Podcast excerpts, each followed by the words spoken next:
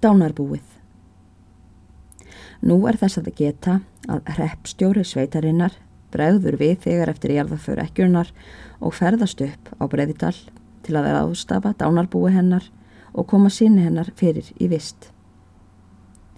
Hreppstjóranum þótti eigi óhugsandi að vistin fyrir aðalstein kynni að fást á neðstabæ þar sem hann var og þótti honum það ákjósanlegast fyrir hönd svensins ef það geti gengið þótt ekki væri nema fyrst um sinn.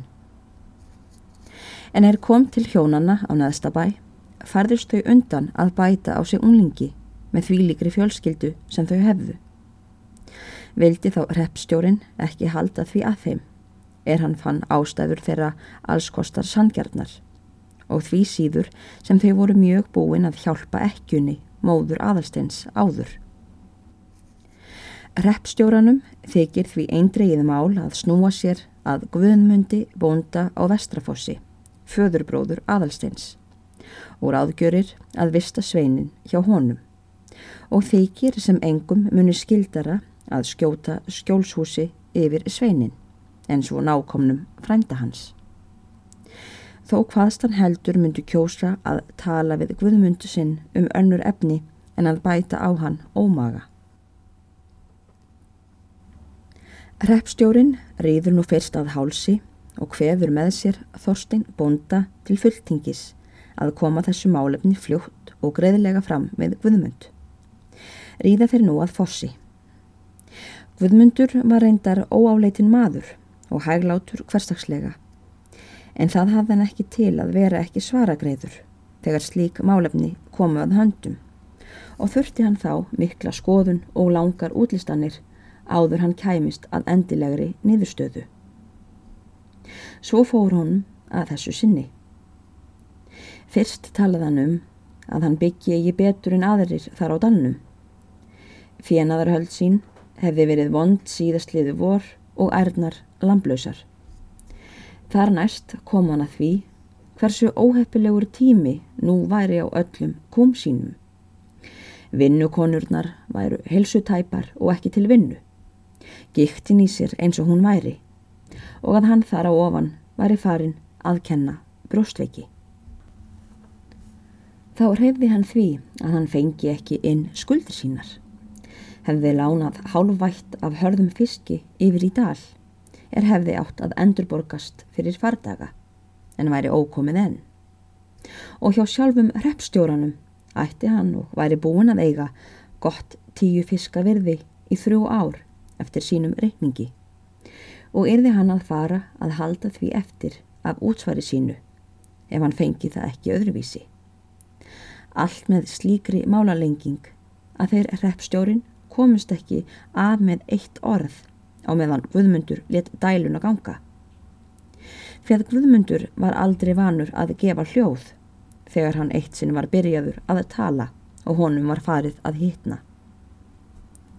Á meðan á þessu stóð hafði Þorstinn á hálsi gengið út og haft tal af Jórunni, konu Guðmundar.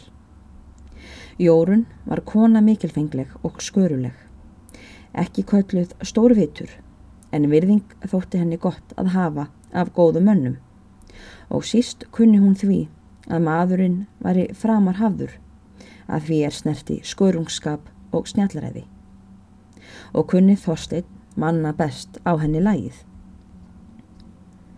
Um það leiti sem Guðmundur er að ljúka tölu sinni kemur Jórun með fasi miklu inn í stofuna.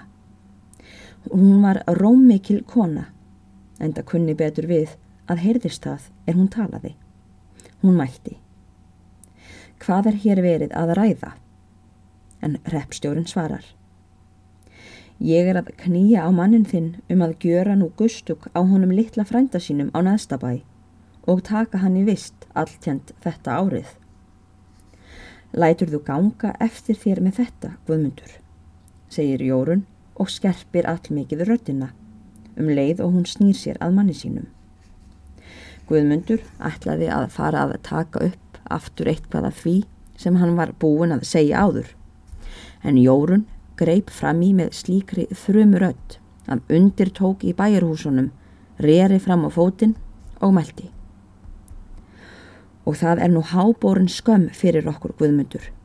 Að láta munaðarlausan auðmingjan flækjast manna á milli úr því hann er svona á skildur þér og ertu vanur að halda ættinu þinni svo fram, sagði Jórun, að það mætti sannarlega ætla þér það, Guðmundur, að þú létir ekki þann eina frænda sem þú átt hér í dalnum, líkja undir hunda og manna fótum. Ég var ekki að segja það, kona, malti Guðmundur og kvítnaði í framann. Ég sagði aðeins að ég Jæja hreppstjóri góður, mælti Þórun og tók aftur orðið af Guðmundi, um leið og hún snýri sér að hreppstjóranum. Þetta mál er full rætt. Láttu aðalstein koma. Ég tek hann og er hann ekki mér skildur. Guðmundur ræður hvað hann gerir, en ég er ekki vön að hafa mörg orð. Og gekk Jórun að svo mæltu út úr stofunni og varð skindilega logn mikill. Guðmundur náði sér ekki aftur eftir þennan kvirvilvind. Hann reyndi ekki að taka til máls aftur fyrir en kona hans var vel komin í kvaraf og mælti hann þá mjög hóvarlega við hreppstjóran. Það er ekki svo að skilja að ég vilji amast við drengnum og því hún er á fram um það, þá er best að hann komi. Hver veit nefn hann geti setið hjá fyrir mig í sumar og lagaðist nú Guðmundur óðum. Það var sannast að segja að enginn hafið þau áhrif á Guðmund sem Jórun kona hans og engum mannst ávið hann svo sem henni. Hann var að sönnu maður hverstagsgæfur og friðsamur en þrár í lund og ítin.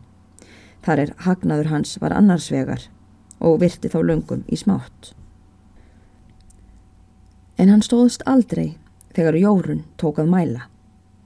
Hún hafði nokkur skonar vald yfir honum með rómu sínum því að henni lág óvenjulega hátt rómur og sveipurinn var þar að auki svo einarður að Guðmundur sá sér ekki annað vætna en slaka til. Það kom einat fyrir í heimilislífi þeirra hjóna þegar Guðmundur fjasaði um einhver vandræði á heimilinu eða var að útlista með miklum málalengingum eins og honum var títt hversu haga skildi verkum þann og þann daginn ef fleiri en eitt kallaði að í senn, þá skar Jórun svo úr með fám orðum að Guðmundur fýpaðist algjört og þagnaði. Og hjó hún þannig einatt á sveipstundu margan vandræðan hútin í sundur fyrir bónda sínum með því hennu andlega sverði er henni var gefið. Reyndar var þú oft engu betra eða ráðlegra Það veri Jórun lagði til og menn gáttu ekki betur fundið en það var eintómis alvaran og hinn öflugi rómur er Guðmundur sviknaði fyrir þegar Jórun tók að beita sér.